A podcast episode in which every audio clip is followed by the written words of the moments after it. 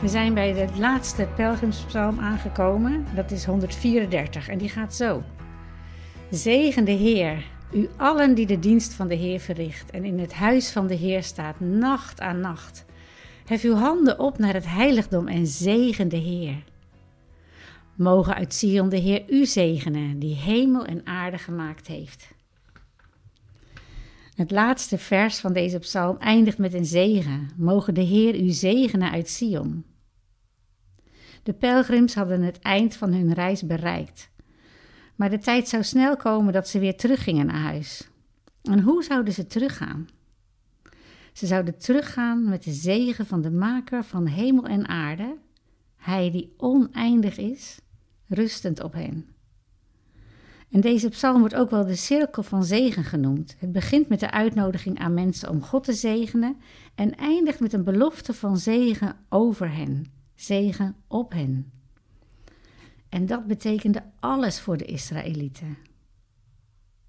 Over een paar weken ga ik een pelgrimsroute lopen met mijn man. Het is een dag of tien en het is nog geen 200 kilometer. En ik hou veel van door de bergen wandelen en vooral het klimmen en klauteren. Dus ik verheug me er erg op. En we gaan niet naar Jeruzalem, maar ik hoop dat ik tijdens die wandeling me meer en meer bewust word dat de zegen van de Heer alles is. Augustinus zei eens tegen zijn gemeente: Wat zou je kiezen? Alle rijkdommen van het land zonder Gods zegen? Of geen van die schatten, maar leven onder de zegen van de Heer? Ik weet wat ik zou kiezen. Jij ook? En wat ons te wachten staat als Jezus komt, is onbeschrijfelijk veel groter dan wat hier nu gebeurt. Maar omdat Gods zegen op ons rust, hebben we al een beetje van de hemel. Nou, dit is de laatste van de meditaties die gaan over de pelgrimspsalmen. En we zagen dat elke psalm een aspect beschrijft dat de spirituele reiziger mag bedenken en bezingen. Afstand nemen, bewaard worden, aanbidding, dienen, bevrijding, veiligheid, vreugde, werk, tevredenheid, doorzetten, hoop, kinderlijk vertrouwen, gehoorzaamheid, eenheid en lofprijs.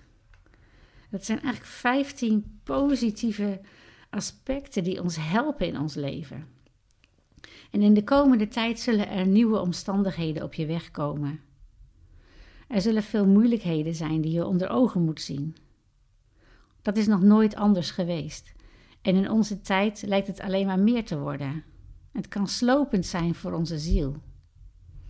Maar wat ik je wil garanderen is dit. Als je deze psalmen leert zingen en de waarheid erin aanneemt in je hart, zul je merken dat geloof en hoop doorgroeit. Deze psalmen zijn geen monumenten, maar voetafdrukken. We mogen de voetafdrukken van veel gelovigen voor ons volgen en hun liederen herhalen.